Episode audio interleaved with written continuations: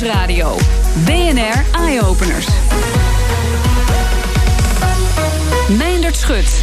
En vandaag gaan we het in Eye-Openers hebben over een idee dat festivals bezoeken nog een stukje makkelijker maakt. CEO's zaten daar van, van Google, van Netflix. Nou, is het einde van die pitch heel veel complimentjes gekregen van ah, hebben jullie goed gedaan en uh, ja, tof idee en zo, hoe nu verder?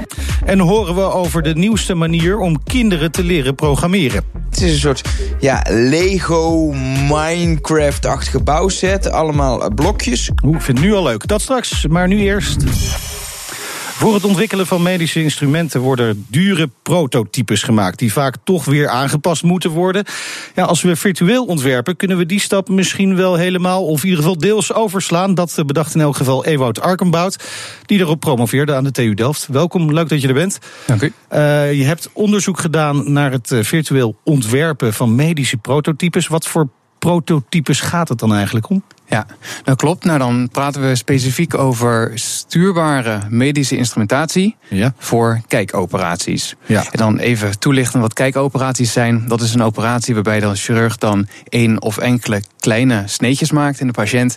En dan via zo'n sneetje of enkele van die sneetjes dan naar binnen gaat. Met een kabeltje, met een cameraatje erbij. Precies, ja, je hebt dan een, een, camera en dan gebruikt de chirurg veelal um, hele lange, dunne instrumenten om naar binnen te gaan om dan te opereren. En dat is natuurlijk voor de patiënt heel nuttig. Dat hij niet helemaal opengesneden hoeft te worden. Maar dat hij vaak dezelfde dag al naar huis toe kan. Omdat het gewoon. Ja. Nou, op die manier een stuk uh, veiliger kan. Aangenamer voor de patiënt. Zeker. Uh, en en uh, ook goed voor de chirurg ja. natuurlijk. maar goed, je wil van tevoren wel weten of zo'n instrument ook daadwerkelijk goed werkt. En ja. daar worden dus die prototypes voor gemaakt. Ja. Hoe is dat proces op dit moment? Nou ja, specifiek voor stuurbare instrumenten. Die zijn vaak wat lastiger om te besturen. Want okay. als je in de, kijkt naar opererende patiënt. Soms willen nog wel wat organen en dergelijke in de weg zitten. Ja. En daar wil je om, omheen komen. En om dat te ontwikkelen bij een bedrijf, nou, dan ontwerp je wat, je bouwt wat, je test wat. Je gaat terug naar de tekentafel, want het werkt toch net niet. Okay. En dat cirkeltje doorloop je vijf, misschien tien keer. En elke keer moet je dan een prototype bouwen. En dat is natuurlijk vrij bewerkelijk en kost veel tijd en geld. Ja, wat, wat, wat kost dat zo'n zo'n prototype aan Nou ja. tijd en geld? Nou ja, dat is vrij moeilijk natuurlijk in te schatten. Dat de bedrijven dat uh, zelf niet zo makkelijk Nee. toonbaar maken. Maar als je vooral kijkt naar de tijd die het eh, kost. Nou, minimaal invasieve chirurgie, zoals Ja. dat heet. Die ko- kijkoperaties, dat is iets van de afgelopen 10, 20 jaren. En veel van die stuurbare instrumenten beginnen nu pas een beetje de markt Oh, te oké. raken. Dus er zit een heel lang ontwikkelproces aan. Ook deels natuurlijk omdat het valideren klinisch Precies. zorgen dat het echt veilig is. Het moet goedgekeurd worden. Precies, het moet goedgekeurd worden. En dat kost veel tijd. Maar voordat je überhaupt het circus ingaat, Ja. wil je zeker weten dat het werkt. En dat Precies. is dus een lang proces met veel prototypes. Ja, en dat proces dat zou je kunnen inkorten. Ja. Hoe heb je bedacht hoe dat kan?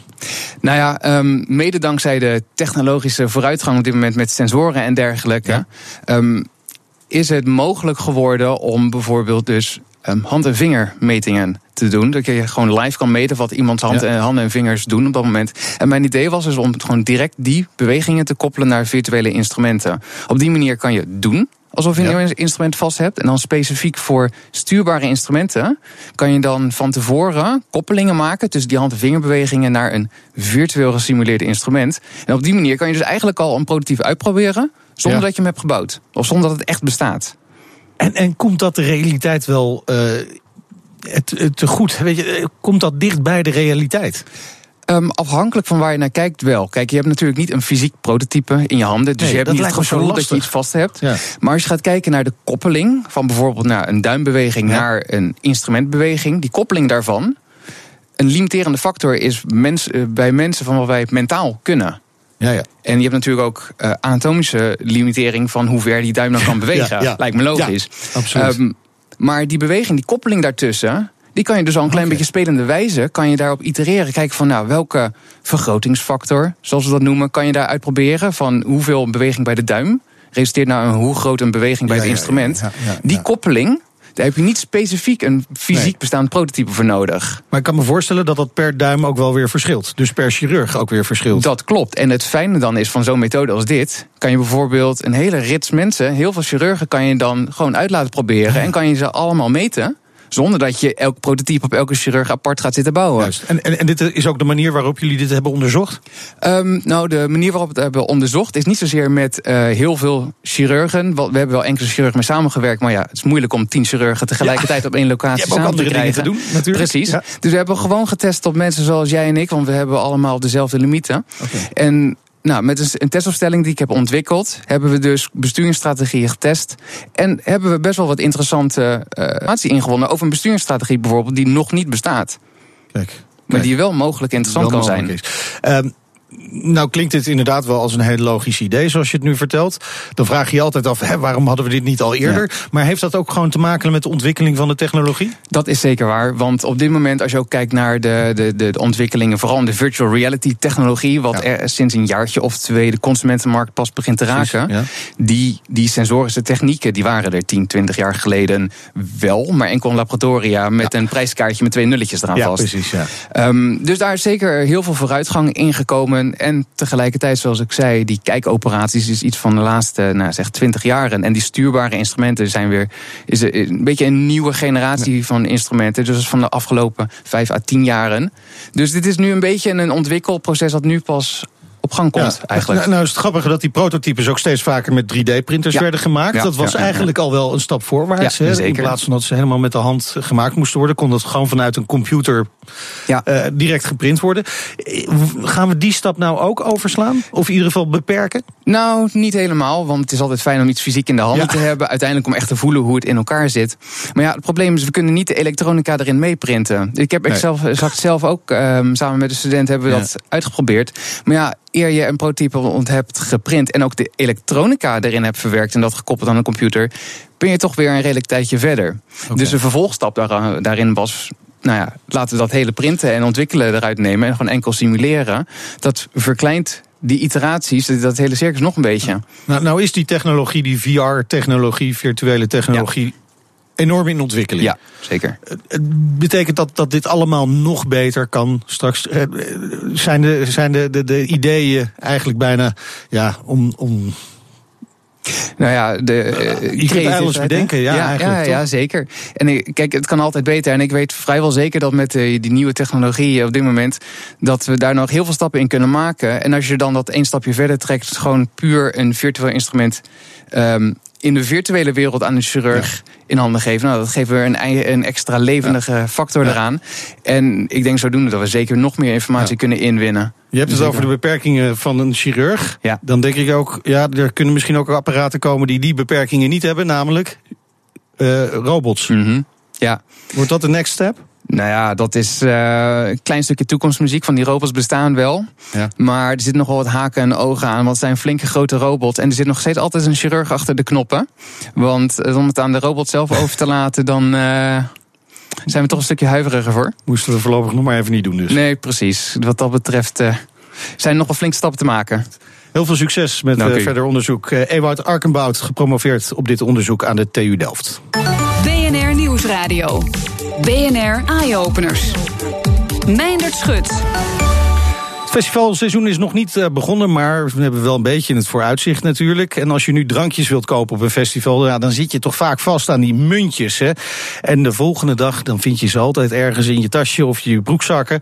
Maar aangezien bijna alles tegenwoordig met een app kan, leek het Suzanne Eikelmans, eh, excuus, Suzanne Eikmans. Excuus. Wel zo handig dat je ook op festivals kunt betalen met een app. En dus bedacht je de Festival Wallet.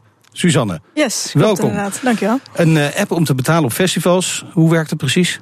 Nou, het is dus een, eh, in principe een e-wallet. Dus Ja. wat je doet, je downloadt Festival Wallet. En eh, achter de schermen maak je dus eigenlijk een account aan bij eh, Intersolve, dat is onze e-bank. Ja. Ehm, dat is een wallet waarop je bijvoorbeeld 100 euro zet. Nou, daarmee ga je naar het festival toe, gaat naar de bar, je bestelt eh 10 bier en 5 wijn. Je moet Ja. bijvoorbeeld 20 tokens betalen. En in plaats van dat je dan muntjes geeft, kun je gewoon met één druk op de knop geld overschrijven van jouw wallet naar die van de barman. Eh, het geld wat dan overblijft in jouw wallet kun je gewoon weer terugstorten naar je eigen bankrekening. Ja. Je kunt het ook laten staan tot de volgende keer. Eh, maar je kunt ook natuurlijk vanuit een vriendenpot, je kun je namelijk allemaal geld in één wallet stoppen, kun je het ook weer onder elkaar verdelen of een, eh, of een nieuw ticket kopen bijvoorbeeld. Oké, en waarom is deze tussenstap eigenlijk nodig? Waarom zou je niet op die festivals gewoon direct betalen? Eh, nou ja, eigenlijk vanwege het contante geld, daar eh, wil je natuurlijk vanaf. Ja, maar via je telefoon gewoon gelijk betalen. Ja, dat zou in principe wel kunnen, alleen dan uh, ben je niet bevoegd om data te verzamelen. Ah, oké, dus uh, daar gaat het uiteindelijk om. Ja, uiteindelijk gaat het om de data natuurlijk. Ja, ja. Waren festivals ook gelijk enthousiast over het idee? Want ik kan me voorstellen, al die mensen die allemaal die muntjes nog in hun zakken hebben de volgende dag. Uh, ja, dat levert eigenlijk ook geld op. Ja, nou ja, je hebt, uh, ik zeg altijd twee typen festivals. De, gelukkig de meeste festivals die zitten er wel op te wachten. Um, ja, zij, sommigen werken al met uh, cashless betaaloplossingen, zoals betaalbandjes en betaalpasjes. Ja, okay. uh, hoeft niet per se. Sommigen denken ook gewoon aan de toekomst en aan de vele concurrentie in de markt. Je wilt natuurlijk dat alle festivalbezoekers naar jouw festival toe gaan. Ja. Dus die hechten waarde aan data in plaats van aan het overhouden van muntjes. Maar het is natuurlijk wel zo, er zijn een hoop festivals die wel ja, een verdienmodel hebben, hebben gericht aan het overhouden ja. van muntjes. Ja. ja, dat zijn dan niet op dit moment onze klanten. Nee, maar goed, die kunnen je gestolen worden, begrijp ik ongeveer. Ja, um, uh, ja die, die, die, die, die data die je noemt, hè, die is dus belangrijk voor die festivals. Wat is dat precies voor data? Want het is eigenlijk ja, gewoon de betaaldata. Ja, betaaldata. Dus uh, uh, wat wordt er op welk moment besteed? Dus uh, um, piekverkopen, meest populaire drankje per minuut. Ja. Hoe staat het met de bierfusten? Is er genoeg? Um, bijvoorbeeld ook beveiliging. Als er een, ik noem maar even wat, een Afrojack of iemand bij de mainstage komt draaien, ja. dan, dan wordt het daar heel druk, verwachten ze. Okay. Dus dan moet er meer beveiliging naartoe, moeten Ja. dranken op orde zijn. Eigenlijk dat soort stromen kun je allemaal meten. Plus je ziet ook bezoekersstromen. Dus hoe verplaats, verplaatsen bezoekers zich? Staan ze langer bij een mainstage? Dan hoef je natuurlijk uiteindelijk niet te vragen wat ze van de technostage vonden. Eigenlijk alle soorten bezoekersdata zou je kunnen verzamelen, Ja. anoniem of persoonlijk. Ja. Ligt er een beetje aan wat bezoekers zelf aanvinken. De uh, nieuwe GDPR-wet komt er natuurlijk Ja, aan in precies. mei. En daarbij um, moet een bezoeker twee keer een opt-in geven om zijn data te mogen delen. Twee keer. Ja, doet hij dat, dan uh, mogen wij diegene uh, merchandise aanbieden en persoonlijke Oh, okay. aanbiedingen doen. Ja, dus in principe word je er niet slechter van. Je krijgt Nee. bijvoorbeeld uh, bij uh, bar 5 heb je twee voor de prijs van één. ja, uh, ga daar naartoe. Nu hamburgers in de aanbieding. Ja, precies. Ja, ja. Dus als je daarvoor open staat, dan krijg je dat. Doe je dat niet, dan wordt alles gewoon geanonimiseerd. En, ja. Ja. En, en dat, dat is ook de reden waarom de app dus gratis wordt aangeboden aan festivalgangers. Hè? Want eigenlijk is het terugverdienmodel eh, is die data. Ja, in principe wel. Ja. En, en die festivals, kunnen ze, krijgen ze die data real-time? Dat ze ook tijdens het festival gelijk erop kunnen inspelen? Ja, zeker. Ja, dat is ook een van de, um, ja, van de key verkooppunten, zeg maar, wat wij aan festivals bieden. Van je kunt live zien wat er op het festival gebeurt. Dus bij wijze van spreken, als er uh, als een storm aankomt, dan kun je zeggen, ingang K is ook open. Okay. Allemaal die kant Wow. op. Uh, ga niet onder een boom staan. Um, ja, dat soort dingen kun je allemaal sturen. En ook bijvoorbeeld, um, ja, wat kun je allemaal bedenken? Uh, Ja, hoe beweegt een bezoeker zich? En, uh, ja, precies. ja. Want dat kun je natuurlijk ook allemaal monitoren eigenlijk. Alles, ja. Alles. Dat zit allemaal in die app ingebouwd ook. Nou ja, en niet in de bezoekersapp, maar Nee, wel in het da- dashboard van ja, de organisatie. Oké, okay, ja. dus wat eigenlijk uh, je denkt het is een wallet om, uh, om drankjes en hapjes mee te halen, is eigenlijk veel meer gaat daar achter ja, schuil. is dus. veel meer. Ja. Ja, ja. Nou is misschien wel één uh, issue de laatste tijd ook vooral bij heel veel mensen bekend, dat hun telefoon soms wel eens wat sneller leeg gaat als die Ja. wat ouder is. Mhm. Ja, dan zit je dan met je wallet en je batterij is leeg. Ja. Probleem. Nou ja, goed, je kunt in ieder geval altijd inloggen op de telefoon van je vriend of vriendin. Oké. Je hebt gewoon een persoonlijke wallet en daarmee uh, heb je altijd beschikking op wat voor een apparaat dan ook. Tot jouw eigen geld. Ja. Um, Dus daarnaast, is cloud-based. ja, en daarnaast uh, vuren ook gewoon powerbanks en uh, zijn er oplaadboots Ah, op het festival. Zelfs aan de kassa, als je aan de kassa staat en je denkt, oh shit, mijn telefoon Ja. gaat leeg, dus kun je hem even snel inpluggen. Geen excuus mogelijk, dat Geen is wel duidelijk. mogelijk, Ja. Op, op hoeveel festivals eh, kan ik straks met die app eh, aan de slag? Uh, ik hoop straks op alle, maar Ja. voor in het vooruitzicht uh, voor aankomend jaar, ja, tot nu toe ongeveer 15. Ja, en, en wanneer ga je hem lanceren? Weet Als het goed is op Koningsdag, uh, durf niks te beloven, waarschijnlijk spannend, spannend. Uh, rond die tijd. Rond die tijd. Maar Ja. wa- wat is er nog uh, nodig tot die tijd? Wil het inderdaad slagen? Uh, ja, ontwikkeltijd. Oké, okay, Ja. die zijn nu druk, uh, Druk aan het programmeren. doorontwikkelen, ja. ja. Oké, okay. en dan gaat hij dus nou, hopelijk op Koningsdag live. Mhm. Mm -hmm. En dan het hele seizoen. Is er ook een internationale belangstelling voor de app? Ja, zeker. We zijn met een aantal grote partijen in gesprek die ook internationaal festivals organiseren. Dus uh, op die manier kun je ook die kant op gaan. Nou, spannende tijd. Heel veel succes tijd. de ja, komende dankjewel. tijd. Dankjewel. Suzanne Eijkmans van Festival Wallet. En straks eerste hulp bij invoegen voor vrachtwagens. Blijf luisteren. BNR Nieuwsradio. BNR Eye-Openers. Op de snelweg invoegen kan soms lastig zijn, vooral als je in een vrachtwagen rijdt. Handiger dus als het voertuig je daarbij kunt helpen. Kan helpen, daarop eh, promoveerde Jan Loof aan de Technische Universiteit Eindhoven. Welkom in de uitzending. Goedemiddag. Vrachtwagenchauffeurs zijn uh, geoefende rijders, mogen we in ieder geval hopen. Waarom hebben ze zo'n assistentie nodig bij het invoegen? Ja, ondanks dat vrachtwagenchauffeurs natuurlijk hartstikke goed kunnen rijden, uh -huh. uh, laten statistieken van ongelukken die laten toch wel zien dat eigenlijk in 90% van de ongelukken dat de oorzaak toch uh, wel een menselijke fout is. En ja, met zo'n invoegassistent zou je daar toch wel een handje kunnen helpen om, uh, om het aantal ongelukken naar beneden te brengen. Oké, okay, maar gelden die statistieken alleen voor vrachtwagens of ook voor personenauto's? Uh, de statistieken waar ik naar heb gekeken, dat is een specifiek onderzoek wat naar vrachtwagens oh, kijkt. Okay, oké. Okay. Uh, en, en stel, ik ben vrachtwagenchauffeur en ik gebruik jouw systeem. Wat, wat gebeurt er dan als ik wil gaan invoegen? Ja, op het moment, ik heb me beperkt met mijn systeem uh, door de aanname te maken dat ik weet wanneer er ingevoegd uh, kan worden. Ja. En dat ik ook weet uh, hoe breed de weg is en hoeveel ruimte ik daarvoor heb. Maar ik zou het in de toekomst, zie ik het zo voor me, dat je als chauffeur als het ware de invoegstrook oprijdt. En dat, je, dat de vrachtwagen dan zelf rond zich kijkt met camera's en radars en andere sensoren. Ja. En als er dan het juiste moment zich aandient, dan voelt de chauffeur die voelt dat in het, stuur, in het stuurwiel.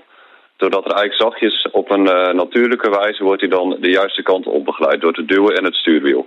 Oké, okay. en, en uh, kan ik dan ook beslissen om toch niet in te voegen? Ja, absoluut. Dat okay, is ook dus iets de... wat, ik, uh, wat ik heel belangrijk vind en wat ik ook in mijn onderzoek rekening mee heb gehouden dat de chauffeur is altijd de baas. Dus de chauffeur kan altijd beslissen om niet mee te sturen. Ja, terwijl je misschien uiteindelijk juist zou willen dat de chauffeur misschien wel helemaal niet de baas meer is. Ja, ja dat, dat is weer een ander vraagstuk. dat is een dilemma. Dat, dat zou kunnen. Uh, en dat gebeurt dus met, met, met een stuurbeweging, begrijp ik. Ja, precies, inderdaad. Dus er wordt eigenlijk een, uh, ja, wij noemen dat dan haptische feedback op het stuurwiel ja. wordt er gegeven. Dus er wordt eigenlijk ja, een kracht afgesteund op de chauffeur. En op die manier merkt hij dus eigenlijk van, uh, dat hij in kan gaan voegen. En als hij meebeweegt, dan zijn die krachten heel erg laag. Zolang, en als hij niet meebeweegt, dan worden de krachten iets hoger om hem weer naar het goede punt toe te duwen. Oh, Oké, okay, oké. Okay. En uh, je hebt dit getest met een personenauto om te kijken ja, hoe de interactie uh, van de bestuurder met dat systeem is. En ja. wat, wat test je op zo'n moment dan precies? Um, ja, we hebben eigenlijk in eerste instantie hebben een soort van stuurkarakteristiek hebben bepaald. Dus um, ja, wat voelt comfortabel voor een chauffeur als hij gewoon rechtdoor rondrijdt of als hij van baan wisselt zonder ondersteuning. En diezelfde karakteristiek die hebben we dan vervolgens gebruikt om het uh, baanwisselsysteem te testen. Dus we rijden dan op een tweebaansweg en uh, ik zit naast iemand die achter het stuur zit en ik druk op een knopje en dan uh, treedt het systeem in werking en dan gaat hij dus automatisch van baan wisselen. En wat kwam er uit die test? Wat vindt men prettig? Um, ja, mensen vinden het eigenlijk heel erg natuurlijk voelen. Ze vinden het ook wel fijn dat, ze, dat er nog een zekere mate van eigen controle in zit. Ja. Dat, uh, ja, dat, dat is wel als heel fijn ervaren. Oké, okay, dus dit, dit, dit kan gewoon een ontwikkeling zijn die we terug gaan zien bij vrachtwagens bijvoorbeeld. Uh. Wat is de volgende stap? Uh, ik denk dat de volgende stap zou zijn om dat op een vrachtwagen te gaan testen. Ja. Ik, heb het in, uh, ik heb eigenlijk in mijn proefschrift ook met simulaties laten zien dat het volgens mij in een vrachtwagen zou moeten kunnen werken. En eigenlijk de enige onbekende factor die ik nog heb is dan hoe een chauffeur dat ervaart in een vrachtwagen. Ja.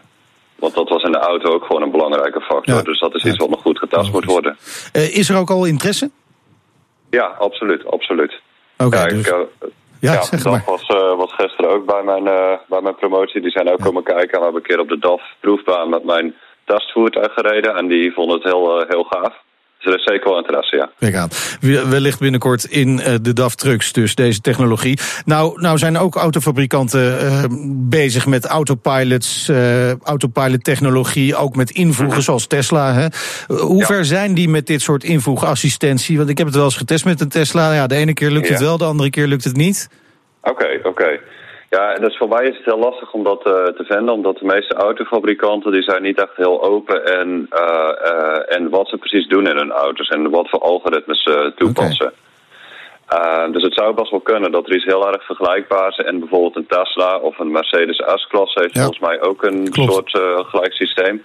Het zou best wel kunnen dat ze iets, iets soortgelijks doen als ik. Maar ja, dat is lastig om dat te vinden, omdat, omdat het dus niet echt in de wetenschappelijke community gepubliceerd wordt. In ieder geval niet zover ik weet. Dank, Jan Loof. Hij promoveerde aan de TU Eindhoven op dit onderzoek. En mogelijk dus uh, dat er uh, op uh, ja, korte termijn in DAF-trucks deze technologie terechtkomt. Dankjewel.